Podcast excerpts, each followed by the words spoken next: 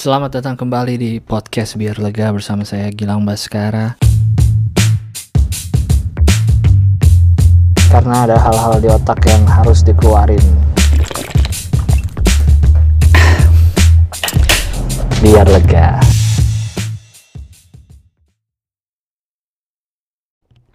Gimana? Episode pertama setelah satu tahun dan pertama kalinya menggunakan jingle yang dikirimkan oleh pendengar. Ada suara air. Asik ya? Jadi gue nggak perlu ngomongin lagi ya selamat datang di podcast biar lega karena ngulangin di jingle udah diomongin soalnya. Uh, suka gini nih abis mandi malah ingusan. Sekarang gampang parno ya kayak batuk dikit. Kenapa nih gue ya? Ingusan dikit pilek padahal sehari-hari juga pilek eh maksudnya bukan sehari-hari pilek sering gitu. Dan gue baru tahu kalau ada vaksin influenza ternyata ya. Pengen ah nanti biar dalam setahun tuh nggak sering-sering gitu pilek. Bagaimana kabar kalian? Uh, setelah berapa? Sebulan lebih ya? Sebulan lebih di rumah aja nggak nggak banyak keluar seperti kehidupan biasanya gue masih gak nyangka loh kita ngalamin hal kayak gini. Asli gue masih kayak kadang-kadang masih berpikir kayak uh, ini di kehidupan modern ada loh hal kayak gini terjadi. Maksudnya kalau zaman dulu Spanish flu atau wabah-wabah yang lain kan uh, ilmu pengetahuan soal obat-obatan belum maju teknologi belum maju. Jadi kayak wajar lah ada ada penyakit yang parah banget gitu sampai mewabah ke, ke satu daerah atau ke seluruh dunia. Sekarang di zaman modern gini lagi udah nyobain uh, apa namanya uh, tas roket bikin orang bisa terbang. Udah mau ngirim astronot ke Mars. Eh kelewat dong ada pandemi gini bisa nyebar cepet banget. Jadi kayak heran amazed sedih bingung bagaimana kehidupan? Masih sehat? Ada yang lebih penting sih dibanding sehat. Enggak sih sehat paling penting sebenarnya. Cuma sehatnya dua sehat fisik dan sehat mental. Nih kalau nggak kuat asli mental bisa kena nih orang-orang nih lama-lama. Ini baru sebulan nih sebulan lebih dikit kan. Semenjak uh, disuruh uh, karantina mandiri pertama kali bulan lalu. Sebulan lebih dikit lah ini. Ini mental kena nih lama-lama orang-orang nih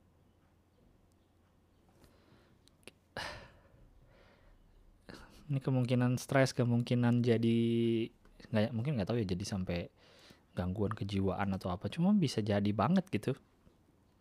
Udah mulai jarang ketemu orang nggak ada kerjaan nggak ada kegiatan nggak ada pemasukan. Selain itu juga yang serem adalah kerusuhan. Bisa jadi banget loh. Kerusuhan terjadi di Indonesia atau di tempat-tempat lain. Kalau udah urusannya perut urusannya makan orang bisa bisa gila kadang-kadang. Maksudnya bisa ngelakuin apa pun gitu. Serem kan?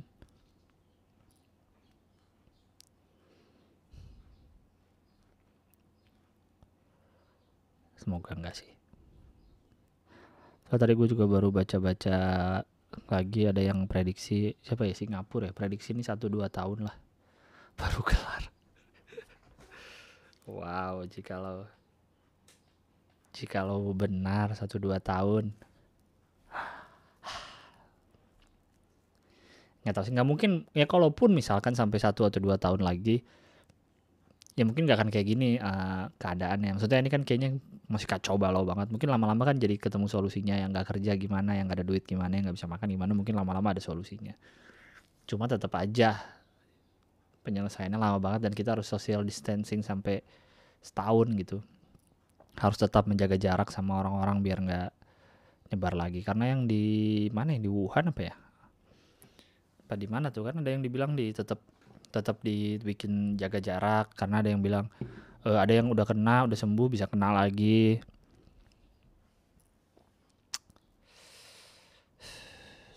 Serem men.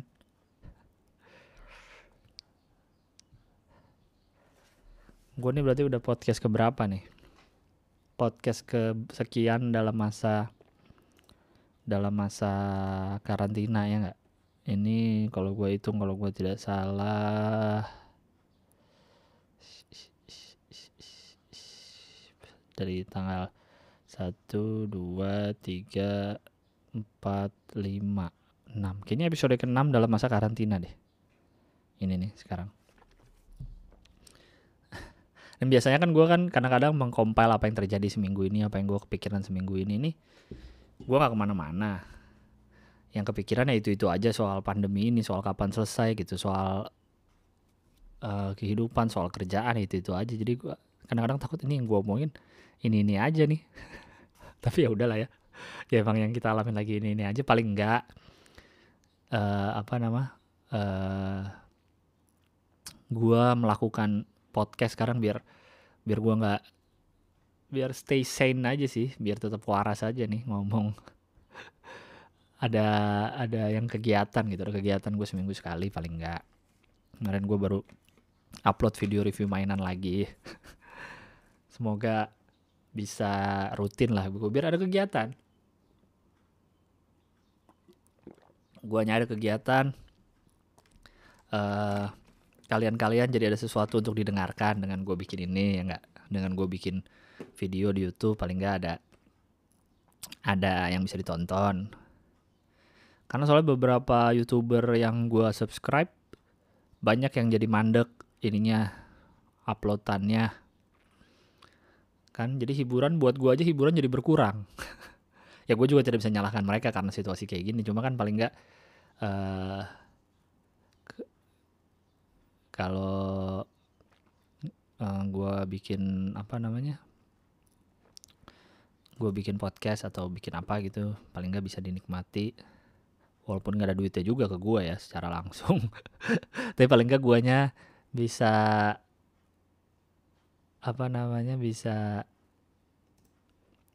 punya kegiatan bisa tetap dalam tanda petik tetap waras kaliannya juga bisa ada hiburan gitu.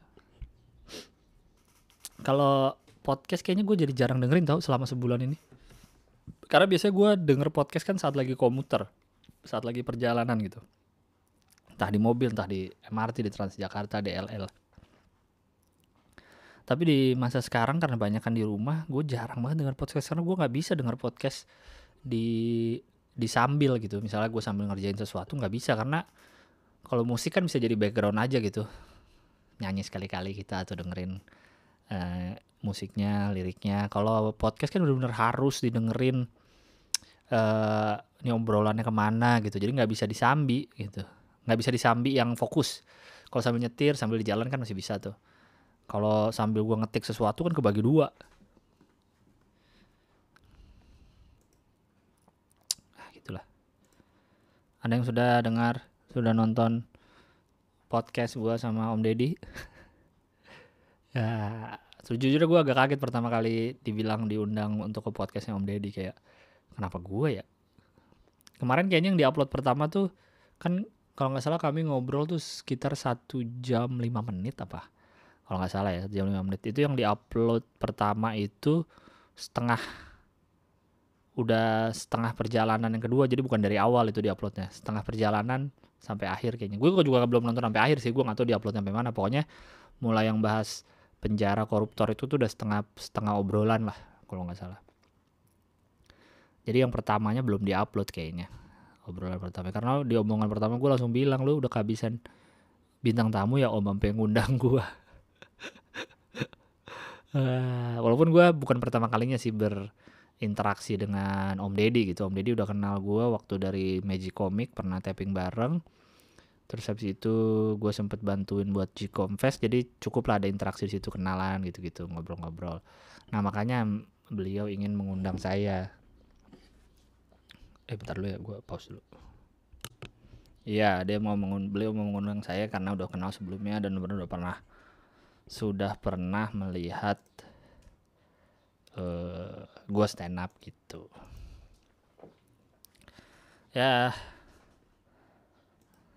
soal yang bunuh diri gue sih sekali lagi ya kalau lu dengerin gue nggak tahu ya gue belum dengerin gue belum dengerin yang diupload sama Om Deddy. Kayaknya sih nggak ada yang diedit ya. Kalau soalnya obrolan lengkapnya yang kami tertawakan atau yang kami omongin yang kami nggak seneng adalah kenapa dia mesti nge-tweet dulu gitu karena yang udah-udah sepengalaman gue dan mungkin Om Deddy juga kalau yang gitu tuh jatuhnya bukan mau bunuh diri tapi mau caper aja. Bunuh dirinya tentu sangat tidak dianjurkan sangat kalau bisa jangan. Uh, berapa kasus yang gue tahu juga kalau orang bunuh diri tuh langsung aja tau-tau hilang. Atau bunuh diri di kesendirian tahu-tahu nulis surat wasiat dan lain-lain. Tapi kalau kayak gitu nge-tweet dulu apa nggak tahu sih kalaupun dia memang beneran ada masalah di mentalnya atau dia ingin bunuh diri apa yang didapat dengan dia nge-tweet gitu? Malah jadi bikin orang-orang yang pikirannya kayak gue gitu malah jadi nggak respect kayak apaan sih gitu? Kalau ternyata dia beneran kan dia jadi mengecilkan keinginan dia sendiri gitu mengecilkan value-nya gitu. Mungkin tadinya suatu yang besar ingin bunuh diri tapi jadinya dipandang remeh sama orang gara-gara dia nge-tweet gitu. Gue di rumah mulu malah makin kering bibir gue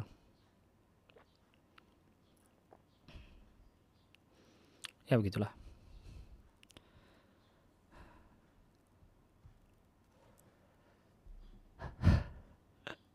Gue sebenernya bingung sih mau ngomong apa nih. Episode ini uh,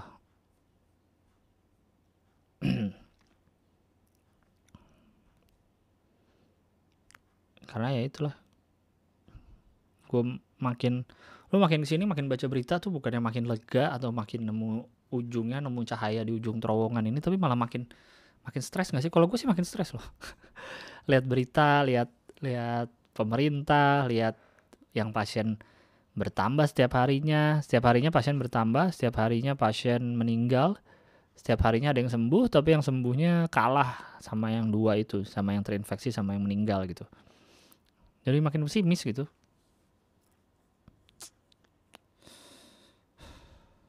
Nggak tahu lah. Apalagi tadi terakhir gue baru nonton video yang mata Najwa hmm, Najwa Sihab wawancara uh, supir mobil jenazah dari dinas pertamanan dan pemakaman DKI tiap hari puluhan dia dia anterin. Nggak didoain nggak dimandiin nggak dianterin sama keluarga harus langsung dikebumikan. Itu sih yang paling paling paling paling sedih dari paling sedih dari semua ini lu kalau meninggal keluarga lu nggak bisa nemenin. Nggak bisa doain mungkin bisa dari jauh. Nggak bisa mandiin nggak bisa ngelihat muka lu terakhir kali nggak bisa nyium jenazah lu terakhir kali. Tapi harus langsung dikebumikan langsung dikubur dan lu hanya bisa lihat dari jauh mayat eh lu hanya bisa lihat dari jauh. Keluarga lu hanya bisa lihat dari jauh mayat kita diplastikin.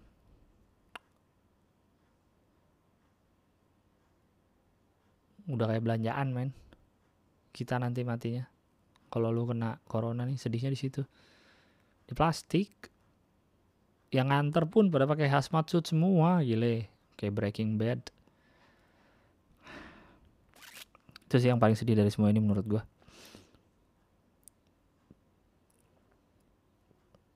yang nganter ada potensi ketularan, yang nyetir sopir jenazahnya ada potensi ketularan. Kan gue juga baru lihat ada video di Twitter dari jurnalis uh, kantor uh, jurnalis di US dia masuk ke ruang masuk ruang UGD-nya COVID di dua rumah sakit paling sibuk di New York. Uh, wartawannya masuk dia ngelihat kayak apa sih kerjanya komandonya susternya dokternya gitu-gitu. Ada susternya yang cerita kalau ada pasien yang baru meninggal umur 24 kalau nggak salah ya. Dia dia juga masih muda sih susternya nih perawatnya cowok. Dia bilang kayak nggak jauh dari umur dia gitu yang meninggal umur 24 jadi kayak semua bisa kena nih terus mereka juga diwawancara kayak mereka setiap hari pasti menghadapi kematian. Ya kan nakes kan uh, manusia juga ya punya hati ya. Walaupun itu bukan saudaranya bukan keluarganya kalau ada pasien meninggal pasti kan ada sedihnya lah berkabungnya. Cuman karena katanya karena di masa corona ini saking seringnya orang meninggal di hadapan mereka mereka jadi kayak oh si A meninggal. Oke gue lanjut ke uh, eh, gue lanjut nanganin pasien B gitu. Langsung ditinggal aja. Oh pasien B meninggal. Oke gue lanjut nanganin C. Kayak gitu udah nggak ada lagi waktu buat sedih-sedih kata dia. Karena lu harus ngurusin terus karena banyak orang yang datang. Pasien yang masuk terus. Sedihnya tuh baru nanti pas udah sampai rumah. Udah sampai rumah hari itu selesai kerja lu beres-beres lu mandi lu beresin pakaian baru lu. Breakdown lu baru nangis di situ. Kayak gitu. Gila nggak? Sampai segitunya. Kematian kematian kita nanti cuma jadi statistik, men. Itu cuma jadi bagian statistik yang diumumin Kemenkes setiap hari. Kalau kita meninggal di karena Covid masa-masa sekarang ini serem banget.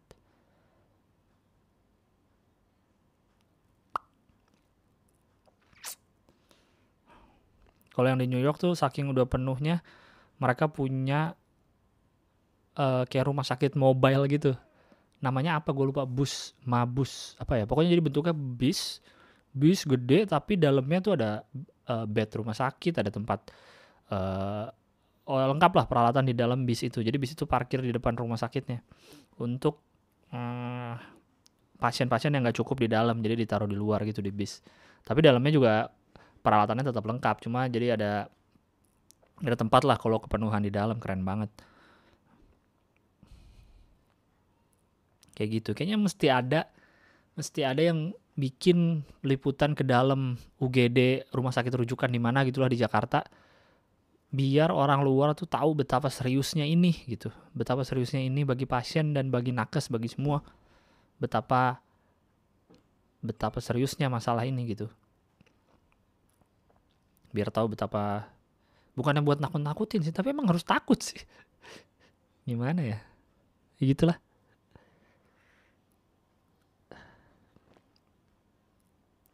terakhir gue juga baru lihat yang ada perawat yang meninggal tuh yang di Jakarta apa di mana? Di Indonesia sih pokoknya yang uh, teman-temannya berjejer semua di kanan kiri memberi penghormatan terakhir pada ambulansnya. Sebelumnya juga baru ada dokter yang meninggal tuh yang masih muda banget masih 20-an umurnya. Semakin muda semakin banyak nakes yang kena karena nakes tuh yang ngobatin loh yang ngalah yang yang nyembuhin pasien nih ke depan nih. Kita kan sebagai rakyat-rakyat biasa kan hanya menekan penyebaran flatten the curve kita. Nggak ngobatin. Kita bagian dari perjuangan juga. Nah tapi kalau perjuangan yang nakes kan ngobatin dengan ilmu dan pengalaman yang mereka punya. Kalau nakesnya yang meninggal yang hilang bukan hanya nyawa tapi nyawa plus ilmu plus pengalaman mereka-mereka itu. Gantinya nggak bisa langsung masih ada yang dokter baru lulus koas nggak bisa langsung. Pengalamannya belum ada. Jadi yang hilang tuh banyak banget gitu. Kita nih kehilangan selain pasien nakes juga pengalaman nakesnya itu. Seremnya gitu sih. Dan SDM kita aja dari awal aja menurut riset kalau nggak salah tuh kita tuh kurang gitu. Kalau nggak salah satu untuk sepuluh ribu pasien apa dokter perbandingan pasien eh perbandingan jumlah dokter dengan jumlah rakyat Indonesia kalau nggak salah. Satu banding sepuluh ribu kalau nggak salah. Beda sama kayak Singapura tuh. Satu banding seribu apa di negara lain juga gitu. Nggak perbandingannya nggak jauh lah. Ini kalau nggak salah ya gue takut salah. Gue kan ngomong ngasal doang ini. Nggak ngasal sih. Cuma maksudnya gue kan jarang baca orang ya. Yang baca yang yang pernah gue lihat-lihat di berita aja gitu. Intinya kalau menurut gue sekarang ini kita bertahan aja lah bertahan sebisa mungkin kita lah bertahan. Bertahan di kesehatan bertahan di kehidupan bertahan hidup aja lah kita nih sekarang survival mode aja udah. Nggak usah mikirin lu harus produktif di rumah lo nggak harus mikirin gimana lu bertahan lah apa pun caranya lah. Bertahan semoga bisa hidup terus bertahan semoga bisa ngelewatin ini bertahan semoga tidak sakit tidak kena juga. Kayak gitu sih paling udah gue mau baca email aja Betul ini gue rekamnya baru hari Kamis jadi ini anget nih uh, podcastnya. wow. uh, uh. Email pertama, oke. Okay. Total ada berapa email masuk tadi ya? 13 email. Kan karena email kemarin pas satu tahun udah bersih tuh, jadi ini email baru semua. Masih fresh-fresh nih, paling baru, eh paling lama 12 April kan, masih fresh kan. Nama saya, email saya tidak perlu dibaca Bang, thanks. Selamat pagi Bang Gilang, saya saya bilang pagi soalnya saya ketik ini hari Minggu 12 April 2020 pukul 8.05 waktu Indonesia Barat. Kenalin saya Musa, saya mulai suka tipe stand up Bang Gilang dari awal saya ngikutin stand up komedi. Pas 6 besar Suci 2. Sejak itu saya pengen nonton stand up Bang Gilang. Sampai akhirnya kesampaian juga nonton stand up Bang stand up pertama dan di situ ada Bang Gilang. Saya nontonnya stand up di UGM Desember 2014. Beat Bang Gilang paling memorable pas itu tentang Dota 2 di mana ibu-ibu nyuruh anaknya jangan belajar, jangan sekolah tapi suruh main Dota aja. Mungkin kalau beat itu diumpan sekarang udah relate ya karena gamer juga udah banyak dan pada sukses. Tapi pas 2014 dirimu bisa kepikiran dan ya visioner banget bang. Gue ingat tuh 2014 tuh kalau nggak salah stand up night UGM sama Rindra juga kalau nggak salah sih yang di tempatnya gede banget tuh hallnya UGM. Eh apa sih kok hall ya gitunya lah. Seingat gue ya. Singkat cerita acara selesai dalam hati pengen ngajak foto Bang Gilang tapi waktu itu saya cuma seorang introvert masih kelas 3 SMK. Malu mau sekedar mengajak foto karena di depan udah kumpul banyak orang pada mau foto juga akhirnya batal deh. Ketikan tangan di bawah ini isinya sedikit curhatan ya bang mau dibacain syukur kalau nggak mau juga nggak apa-apa sih ceritanya ada irisan sama yang atas hehe. Flashback sebelum kenal stand up waktu itu kelas 2 SMK saya suka sama teman sekelas saya bang namanya Veli. Selanjutnya disebut Doi. Doi cantik banget bang, mukanya perpaduan Pevita Pierce sama Jessica Iskandar. Top lah pokoknya saya sering kelompokkan bareng Doi. Udah kerap banget pokoknya kita sering ke mana-mana berdua, duduk di kelas pun selalu berdua. Meja kursi sekolah kami sendiri-sendiri tapi disusun tiap dua-dua. Ngerti lah ya bang, haha. Setelah berbulan-bulan seakrab itu Desember 2013 saya beranikan diri nembak dia bang dan seperti kisah cinta klasik di sekolah saya ditolak gara-gara alasan persahabatan. Di situ saya hancur bang. Mana itu masih kelas 2 kan? Masih ada dua setengah tahun lagi bareng doi satu kelas satu setengah tahun kali kan udah kelas 2 betul sekolah saya SMK 4 oh baru di baru dibilang. Sekolah saya SMK 4 4 tahun. Cukup terkenal lah di Jogja cuma itu kok kayaknya. SMK 4 tahun ya? Wow. Akhirnya kira-kira ah, akhirnya hari-hari kita berdua jadi aneh. Seminggu awal kami diem-dieman lanjut pisah. Teman sebangku sampai akhirnya seperti orang nggak kenal di awal kelas 3 SMK berarti kamu sampai kelas 4 SMK ya? Unik juga Padahal saya masih suka sama doi bang, sampai akhirnya saya coba cari pelarian, yang mana orang tersebut adalah sahabat doi juga namanya Roro. Maaf bukan maksud body shaming. Si Roro ini sebenarnya jauh kalau kalau dibanding Feli, sekitar tiga tingkat di bawah Feli. Ada tingkatannya ya. Bukan dibandingin lebih hitam atau lebih putih atau lebih panjang rambutnya lebih pendek atau mukanya lebih nggak mancung, tapi ini ada tiga tingkat di bawah Feli. Oke. Okay detail, cukup detail dalam menilai orang ya.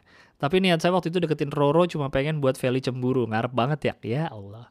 Singkat cerita dua bulan jalan bareng Roro, saya ajaklah dia nonton stand up Bang Gilang. Habis acara karena nggak berani minta foto bareng Bang Gilang, kita langsung pulang mampir ke kosan dia, eh, deng. Mampir ke KFC Sudirman, saya tembak lah dia. Akhirnya kami pacaran setelah nonton stand up Bang Gilang. Wak wak wak wak.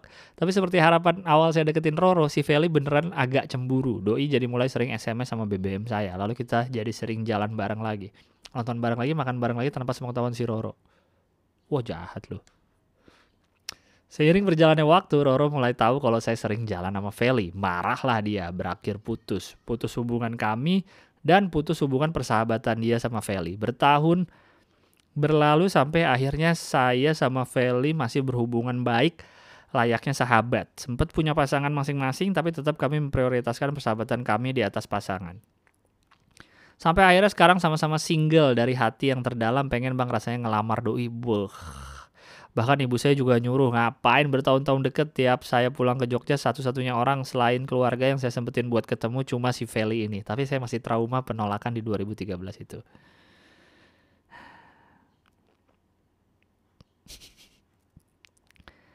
Mana sih tadi? Oh iya, BTW saya merantau dari Jogja sejak 2016. Saya sempat optimis bisa nikah sama doi cuma gara-gara film Thailand Friend Zone. Tapi juga selang berapa bulan harapan itu hancur gara-gara nonton video sahabat Bang Gilang yang mana itu Bang Uus yang saudara-saudara bareng Ocha. Kalau menurut Bang Gilang saya harus gimana? Sekian email saya sepertinya udah kepanjangan. Maaf malah numpang curhat. Sehat selalu Bang dan terima kasih kalau dibacakan. BTW saya kelar nulis ini sejam Bang sampai jam 9.05 WIB. Maklum bukan penulis dan gak punya hobi nulis juga. Kalau menurut saya daripada penasaran ya nggak apa-apa lah dilamar. Maksudnya apa sih hal terburuk yang akan terjadi men? Udah corona gini men, bumi udah udah nggak tahu sampai kapan nih kita nih. semakin nggak tahu ya tadinya juga kita nggak tahu sih sampai kapan hidupnya cuma semakin tidak tahu sampai kapan gitu kalau lu juga demen dia juga demen daripada lu nanti nikah sama orang lain tapi masih penasaran ingat cinta yang lebih berbahaya bukan mantan tapi adalah yang tidak pernah kejadian itu lebih bahaya yang masih penasaran. Lagi lu juga jahat sama Roro lu. Udah jadi sama Roro malah main jalan sama Feli. Ya? Nggak usah tunggu-tunggu uh, takut merusak persahabatan. Ah nggak usah lah. Lanjut email berikutnya. Nggak usah jangan dibacain alamat emailnya bang.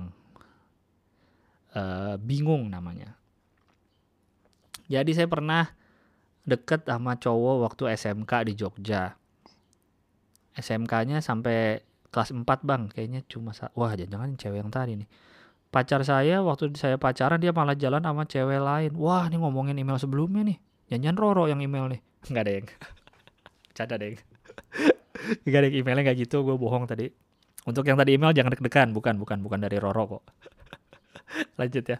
Assalamualaikum Bang Gilbas. Waalaikumsalam. Izin cerita Bang, gue dan pacar gue berada di masa mau pisah tapi masih sayang. Gue pacaran udah hampir 3 tahun. Awalnya gue suka dia karena dia kasih kode duluan ke gue yang bikin gue pede deketin dia. Singkat cerita gue ngelakuin kesalahan bang yang mungkin buat dia kecewa. Tiap hari gue selalu minta maaf ke dia tapi dia nggak gubris sama sekali. Gue juga udah nekat ke rumah dia walau lagi ada pandemi gini. Tapi sampai sana dia bahkan gak bukain pagar rumahnya buat gue bang. Ya bener lah, kan social distancing. Oke lanjut, sorry gue ketawain. Akhirnya dia balas chat gue dan nyuruh gue pulang bang. BTW rumah gue di Jaksel kebayoran lama, rumah dia di Harapan Indah Bekasi. Ih, jauh loh itu. Sampai di rumah ternyata dia chat cuma mencaci gue atas kesalahan yang gue perbuat bang. Udah seminggu lebih chat dari dia isinya cacian doang. Dia bilang kalau masih mau sama dia nggak usah protes sama cacian darinya. Kalau protes mending bisa aja katanya. Menurut lu gue harus pergi dengan rasa bersalah atau gue tetap bertahan walau dicaci? Kok gue ketawa ya? maaf ya uh, seseorang yang jangan disebut namanya uh, menurut gua kan udah mau pisah tapi masih sayang tapi kan nggak mungkin buat dia kecewa sampai pagar rumah kayaknya cewek pacar ceweknya juga masih sayang sih kalau dia masih marah masih uh, kalau menurut gue kalau lu dimaki walaupun makinya mungkin gue gak tahu ya batas orang beda-beda ya kalau makiannya menurut lu masih wajar caciannya masih wajar atau uh, masih belum yang parah banget kayak misalnya oh, lu dasar lu nggak misalnya lu diajak kayak nggak punya otak goblok atau apa gitu yang sampai lu sakit hati banget ya kagak usah. Tapi kalau menurut lu caciannya masih batas wajar kayak yang Lex sama Aukarin.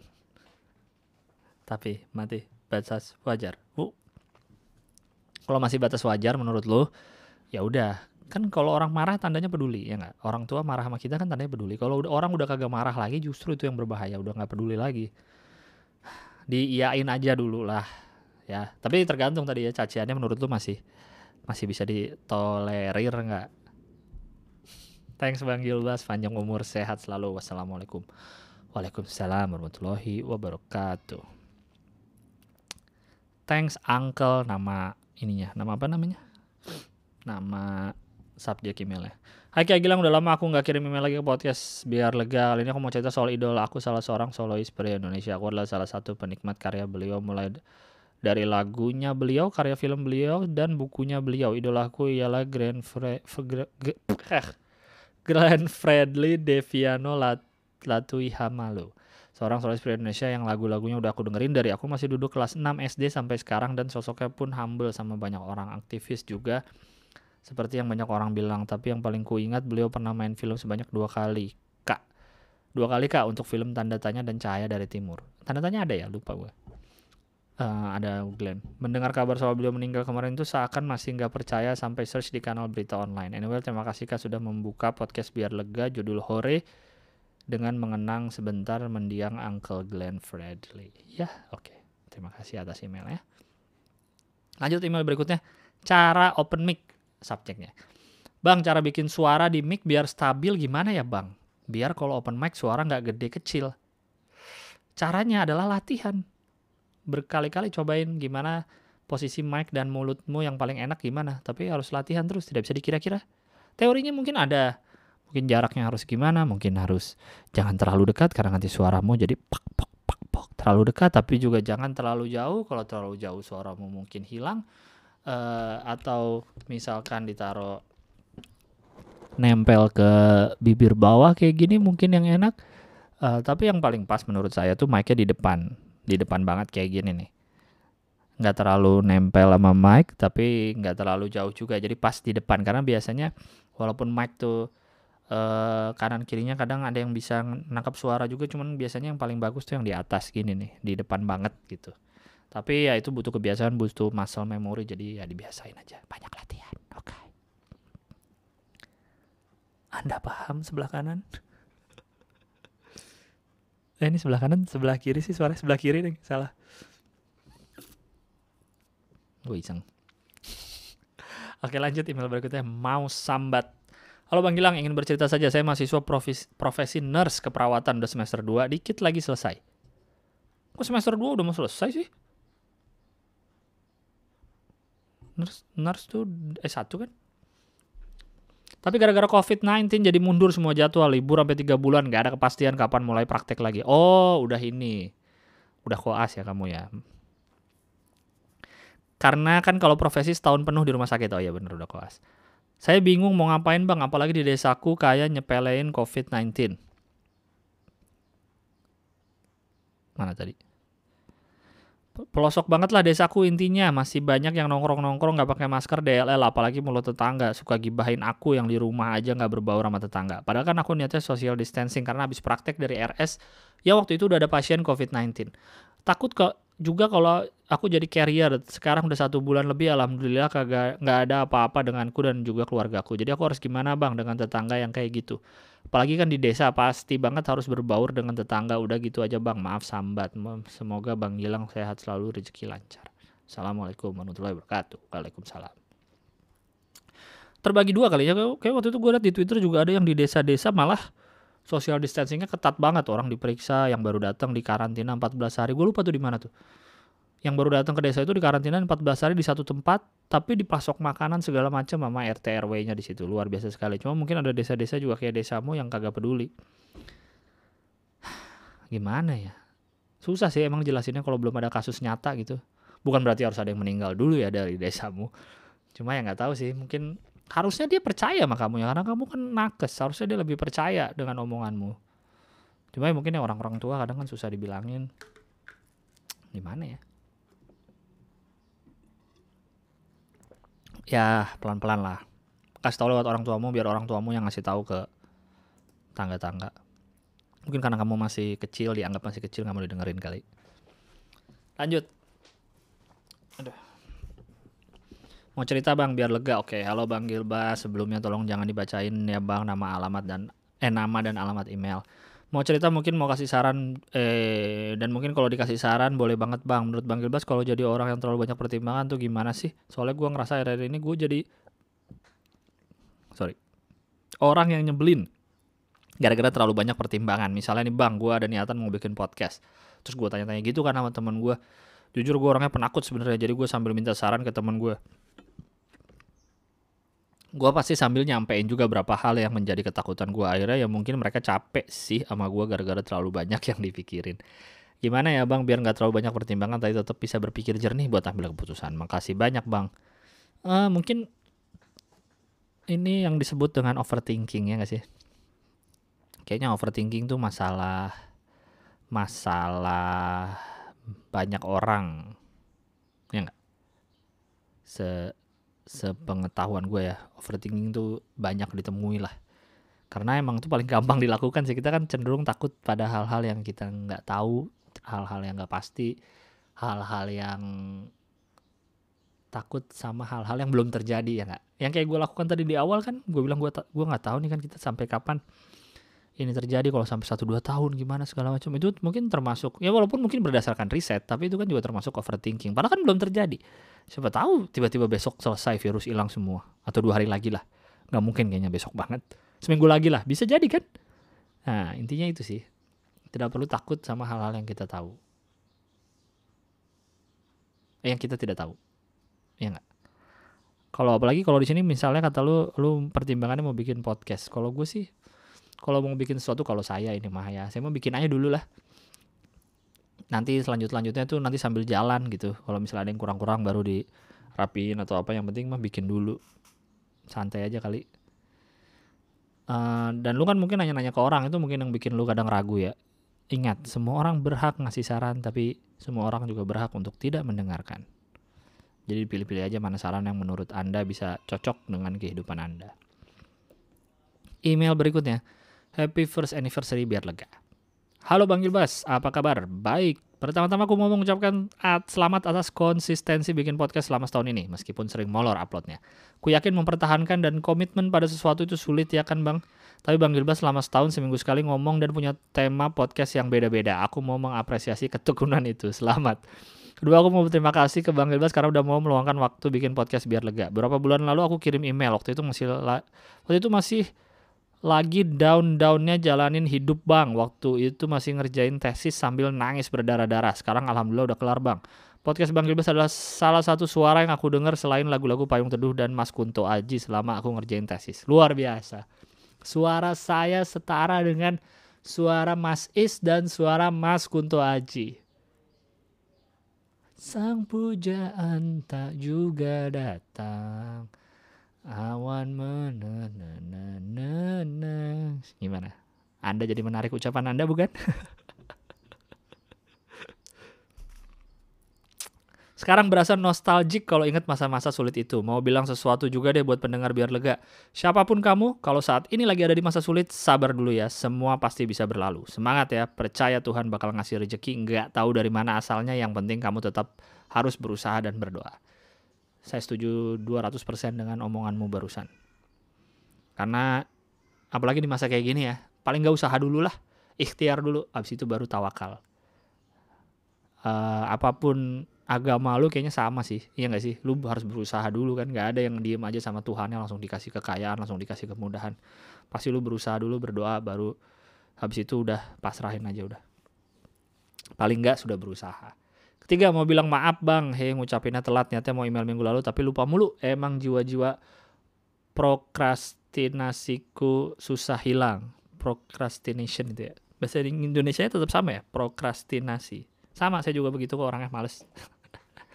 gitu aja bang, maaf kalau panjangan emailnya. Selamat selalu bang Gilbas. Regrets. Regards, kok regrets.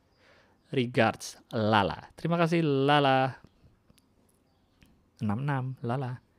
Senar gitar putus. Assalamualaikum Bang Gilang. Waalaikumsalam. Aku baru beli senar gitar buat gitar kesayangan yang umurnya udah 13 tahun. Yang mana aku nabung buat beli senarnya soalnya harganya lumayan mahal bang. Aku beli lewat buka lapak. Aku tunggu banget tuh senar nggak nyampe-nyampe. Pas sudah empat hari setelah beli akhirnya sampai juga walaupun nyampenya jam 10 malam. Ya udah besok aja masang ya. Pagi-pagi habis sarapan langsung masang deh senarnya. Hati-hati banget soalnya takut putus. Pas udah kepasang cobain main dikit-dikit. Nah pas mau nyobain lagu senar satunya berubah setelan. Wajar senar baru. Ya udah aku setel ulang. Pasti setel entah kenapa putus dong. Kesel banget sih mana udah nabung buat belinya padahal senar asli yang aku beli. Tapi ya udahlah. Setidaknya masih ada senar lama walaupun gak enak hati. Makasih abang udah dibacain. Stay safe. Semoga dijauhkan dari segala macam penyakit buat Bang Gilang dan para pendengar biar lega. Kadang gitulah yang udah kita inginkan. Udah kita usahakan udah kita uh, idam-idamkan dari dulu pas dapat Tuhan berkata lain. Ini lanjutan dari tadi ikhtiar dan tawakal. Anda sudah ikhtiar, sudah nabung, sudah siap, udah nunggu empat hari, udah nunggu sampai malam, tapi Tuhan berkata lain, putuslah senarmu. Oke lanjut. Untuk review. Assalamualaikum Bang Gilang, gue mau pinjemin mainan buat di review, siapa tahu Bang Gilang mau. Apaan email gitu doang? Gak, nggak mau ah. Ada tanggung jawabnya kalau punya orang. apalagi eh apa namanya apalagi orang yang gua kagak kenal lagi lebih tanggung jawabnya lebih besar halo bang Gilbas gua ini mbak email baru lagi ya tanya Gilang halo bang Gilbas gua Akbar dari Gombong Kebumen gue pendengar setiap podcast lu bang pas di episode berapa gue lupa abang pernah bilang lu penikmat kopi juga dan pernah berkunjung ke klinik kopi juga ya tidak, saya bukan penikmat kopi banget. Saya suka minum kopi tapi bukan yang penikmat sampai ngerti beans, sampai ngerti aromanya, sampai ngerti ini fruity ya, ini nggak terlalu pahit, ini rada manis, ini aftertaste-nya rasa buah. Nggak, saya tidak mengerti segitunya. Saya hanya suka kopi aja, gitu. Biasa aja gitu. Coba pengen nanya bang, lu jangan pasti nanya soal kopi, gue nggak ngerti. Metode apa yang paling suka dan beans dari mana yang paling lu seneng? Tolong dijawab ya bang. Oke kan gue jawab paling gue suka tuh metodenya tuh V60 yang uh, V60 yang manual brew dan French press. Beansnya paling seneng gue Toraja dan Aceh Gayo. gue kagak tahu. Gue seneng kopi ko 78 tuh. Enggak sih kopi ko 78 enak cuma terlalu manis Uh, boleh dong besok-besok bawain podcast bertemakan kopi. Nggak ngerti saya Mas Mas Akbar dari Gombong maaf ya. Gitu aja bang. Sukses terus bang. Semoga bang Gilbas keluarga sehat terus. Amin amin. Uh, waktu itu bahas soal klinik kopi. Kalau nggak salah gue bahas soal apa ya orang yang passionate ngerjain sesuatu gitu. Gue diajak ke situ karena diajak teman-teman orang Jogja.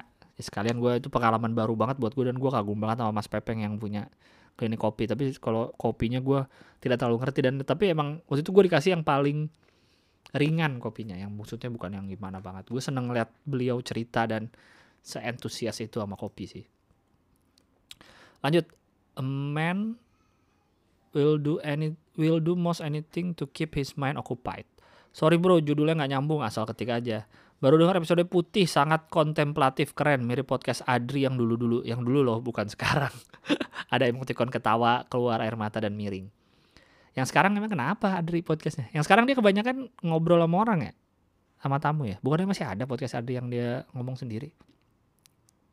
Saya pribadi pun sering memikirkan kematian dan kehidupan setelahnya ada benarnya ucapan orang tua atau guru waktu kita kecil saat nanya soal kematian. Pasti mereka jawab, jangan dipikirin, ntar gila. Padahal saya yakin mereka emang gak bisa jawab. Dan setelah dewasa saya tahu definisi gila yang dimaksud.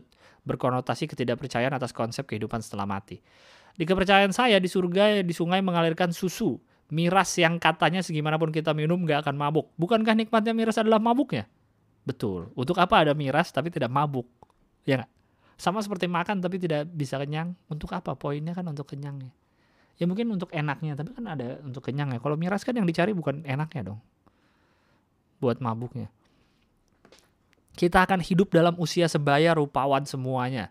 Bukannya yang membuat merasa cantik tampan adalah komparasi bahwa di sana ada yang biasa dan jelek semua keinginan terpenuhi, bim salabim, semua penghuni surga bisa melakukannya. Bukannya yang membuat keinginan itu terpuaskan adalah proses pencarian atau pemenuhannya. Juga eksklu eksklusivitasnya. Kalau semua orang bisa punya, di mana enaknya? Emang hidup gitu selamanya nggak bosen? Di neraka katanya disiksa, hidup lagi lagi gitu aja terus. Bukannya lama-lama jadi terbiasa disiksa, jadi biasa aja atau malah keenakan jadi masokis. Di surga nggak ada di surga ada nafsu nggak? Hasrat, semangat, rasa kompetisi dan lain-lain. Itu sebagian pertanyaan yang membuat saya ragu tentang eksistensi surga neraka. Satu-satunya alasan yang membuat surga neraka harus ada adalah unfinished business yang nggak bisa kelar di dunia. Misalnya kayak koruptor yang hidup mewah, hidup santai, kebal hukum, umur panjang, lalu mati biasanya aja stroke lagi tidur, bukan seperti film-film azab sampai mati dihargai atau bahkan digelari pahlawan. Masa iya sih doi kagak dibales? Hmm, kalau sampai neraka kagak ada, ya sial aja gua nggak ikut korupsi. Fuck atau yang parah taunya di surga neraka bisa KKN juga. Dan kita dihibur lagi bahwa kehidupan eh dan kita dihibur lagi bahwa setelah kehidupan surga dan neraka nanti ada kehidupan lagi yang benar-benar adil katanya. Surga neraka exception. Haha, sorry kepanjangan dan ngelantur. Thanks Al An'am. Al An'am itu surat kan? Oh, kalau kayak gini sih emang kalau dipikirin logis emang pasti kayak gini semua gue juga pernah punya pikiran-pikiran kayak gini gitu cuma inilah yang mengapa agama itu disebut dalam bahasa Indonesia dalam bahasa Inggris adalah faith. Ya kan? Dalam bahasa Indonesia adalah kepercayaan. Ya. ya Agama tuh selalu disebut kepercayaan. Intinya adalah percaya. Betul? Bukan dibilang agama adalah kefaktaan. Ya enggak? Agama adalah keabsolutan. Enggak ada kan? Selalu disebut bahasa Inggris, bahasa Indonesia faith, kepercayaan. Jadi apa yang diajarkan di agama masing-masing ya harus selayaknya harus dipercaya sama umatnya. Mau dibilang di agama, soalnya kalau dipakein logika lu nggak akan masuk akal semua. Nabi bisa belah laut. Nabi ada nabi yang bentuknya ya orang kan nabi kan. Bisa ngomong sama binatang.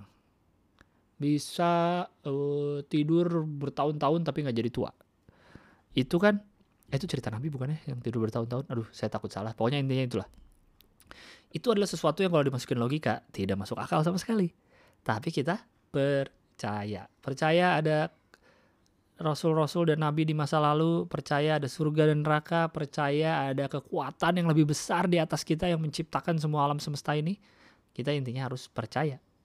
Karena itu inti dari agama, kalau menurut gue ya.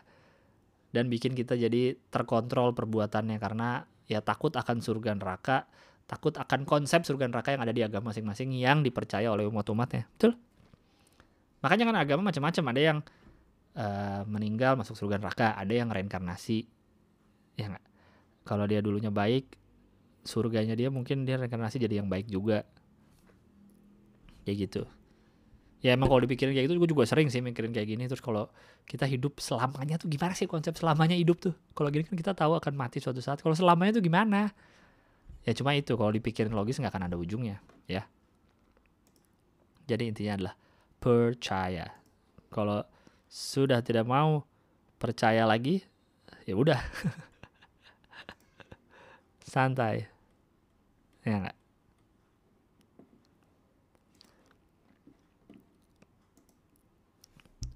Lanjut. Nggak mau diputusin nama uh, uh, subjek emailnya. Dan emailnya baru dua jam yang lalu dari gua rekam ini ya. Emailnya masih fresh.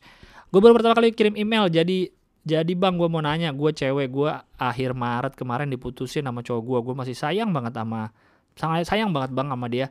Karena self quarantine kita jarang ketemu. Nah kita tuh pasti begini bang kalau jarang ketemu. Dia orangnya baik kalau ketemu langsung. Cuma kalau jarang ketemu pasti di chat kayak tai bang Sorry ya gue ketawa ya.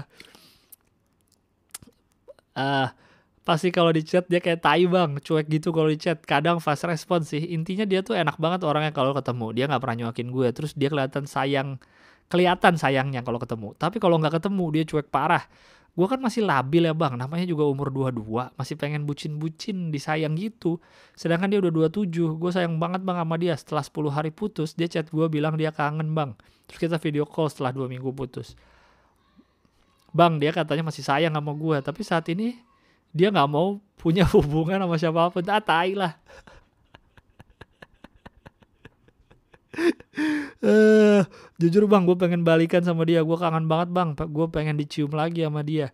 Gimana bang caranya gue sebagai cewek ngajakin cowok balikan tanpa terlihat maksa dan terlihat tanpa terlihat ngemis? Gue pengen sama dia terus bang. Gue sayang banget sih sama dia.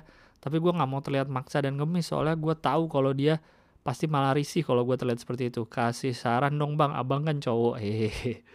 Thank you uh,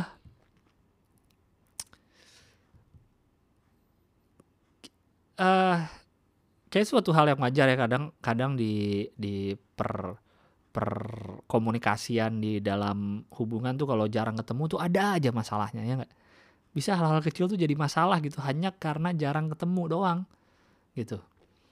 Mungkin kamu kalian mungkin kan tipe yang mungkin kalau yang udah biasa emang mayoritas dalam hubungan itu selalu jauhan ya udah mungkin bisa diatasin. Cuma kan kadang ada yang orang pacarannya nih ketemunya intens sekalinya jarang ketemu malah jadi ada masalah. Mungkin kamu termasuk yang kayak gitu. Jadi saat apalagi saat self quarantine gini jadi makin bermasalah gitu. Ya nggak? Mungkin. Tapi gue rasa juga ya ada cowok-cowok yang kayak gitu gitu. Mungkin uh, yang yang yang pas lagi sendirian ya mungkin dia sibuk dengan yang dia lakukan aja gitu di dunianya gitu. Ya entah ngapain ngerjain apa ngerjain apa gitu. Bukan berarti dia nggak sayang lagi. Cuma dia lagi asik dengan dunianya sendiri mungkin. Plus karena tadi yang tipenya kalau jarang ketemu jadi makin susah komunikasi segala macam malah jadi ada masalah. Akhirnya dia minta putus. Kalau feeling gua dia sih sebenarnya masih masih putusnya tuh kayaknya mungkin uh, esmosi gitu esmosi sesaat mungkin tapi kalau tapi kalau lu bilang dia ngomong saat ini dia nggak mau hubungan sama siapa pun tapi bilang sayang itu tai sih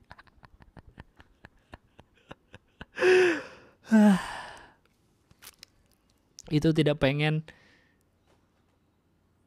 tidak pengen kehilangan pegangan lah dalam tanda petik ya gak? dia dia pengen uh, pengen masih ada uh, cewek yang bisa dia hubungin terus pengen bisa dia sayang sayangan terus yaitu lu. Tapi dia nggak mau punya hubungan yang yang resmi gitu jadian. Nggak tahu ya. Sorry ntar gue malah jadi memprovok pikiran lu dikira cowok lu gitu cuma kan gue nggak tahu beda-beda. Walaupun sama-sama cowok nih kami ini cuma kan takutnya beda-beda pikirannya. Ini kalian setelah berapa lama pacaran sih? Kayaknya nggak disebut ya tadi. Iya nggak disebut sih. Cuma nggak tahu deh. Emang tai sih. Ini namanya boleh disebut gak sih kamu? Ya udahlah ya. Baru dua jam yang lalu loh ini kayaknya lagi emosi emosinya nih. Sabar ya. Lanjut dua email terakhir uh, eh ini email terakhir justru ini email terakhir baru di email 43 menit yang lalu Upi kalau anda ingat Upi itu dari dua episode yang lalu atau tiga episode yang lalu beliau yang terkena positif COVID-19 kita baca emailnya Selamat sore mas, terima kasih sebelumnya udah dibacain email dan semoga mas Gilang selalu sehat. Puji Tuhan saya udah negatif mas dari COVID-19 sejak 12 April. Alhamdulillah. Dan udah keluar dari RS, RSHS sejak Senin lalu. Sebenarnya pas udah keluar hasil swab dan udah bisa pegang handphone lagi ingin ngirim email ke sini. Tapi saya dahuluin ngabarin dulu orang tua mas. Ya iyalah. ya iyalah. Yang dikabarin dulu ada orang tua lah bukan email di sini. Lu mau email ke sini kapan-kapan juga kagak apa-apa gua.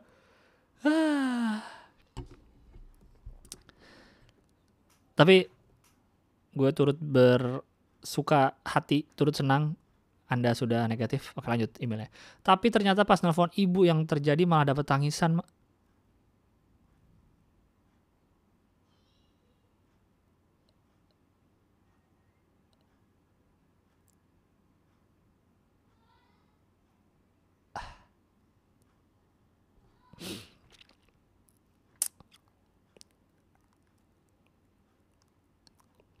Tapi ternyata pas nelfon ibu yang terjadi malah dapat tangisan mas.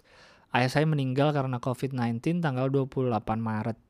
Perasaan yang awalnya happy langsung switch jadi sedih seketika. Terakhir saya nangis 8 tahun yang lalu pas anjing saya meninggal diracun orang. Mungkin setelah dicabut travel warning saya mau ke Bali dulu mas buat jemput ibu saya dan mulai start hidup lagi yang udah berantakan karena pandemi ini. Terima kasih mas, Tuhan memberkati mas Gilang dan semua makhluk di bumi ini. Turut berduka cita tadi gue karena gue belum baca kata uh, paragraf setelahnya. Jadi tadi gue bacanya dengan seneng karena lu udah negatif. Ternyata bokap lu meninggal habis itu gue tidak baru baca. Gue berduka cita turut berduka cita atas uh, meninggalnya bokap lu karena covid-19 ini.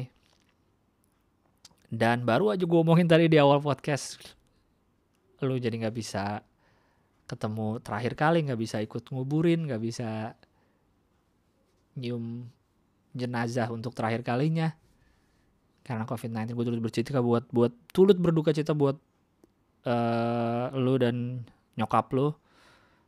Kalau nggak salah seingat gue di email bokap apa nyokap lu dirawatnya di Bali ya kan? Lu di Bandung. Uh, sekarang masih nggak boleh ya? Kalau mau pergi ke Bali gitu nggak boleh ya? Ada travel warning ya? Semoga bisa segera dan mungkin selama di dalam ruang isolasi mungkin lu juga nggak bisa megang HP kali ya. Jadi jadi lu baru gue nggak kebayang sedihnya double dan lu baru taunya sekarang gitu baru tahu setelah keluar dari rumah sakit. Padahal bokap lu udah meninggal dari 28 Maret. Dan karena nggak bisa kontak-kontakan kali ya.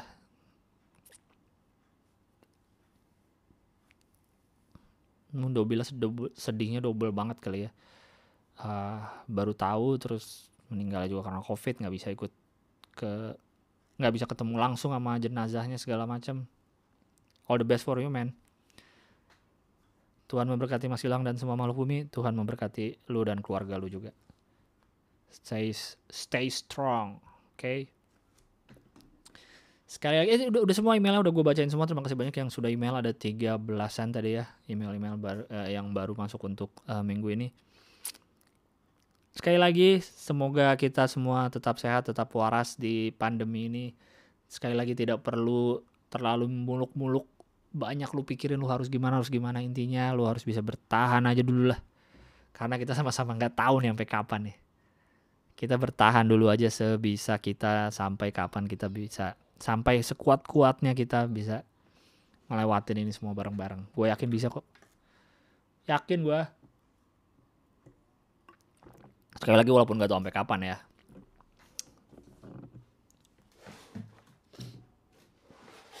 Tapi bisa lah. Oke kayaknya itu aja episode uh, minggu ini. Thank you very much yang sudah mendengarkan yang sudah kirim email. Akan segera gue upload uh, sekarang.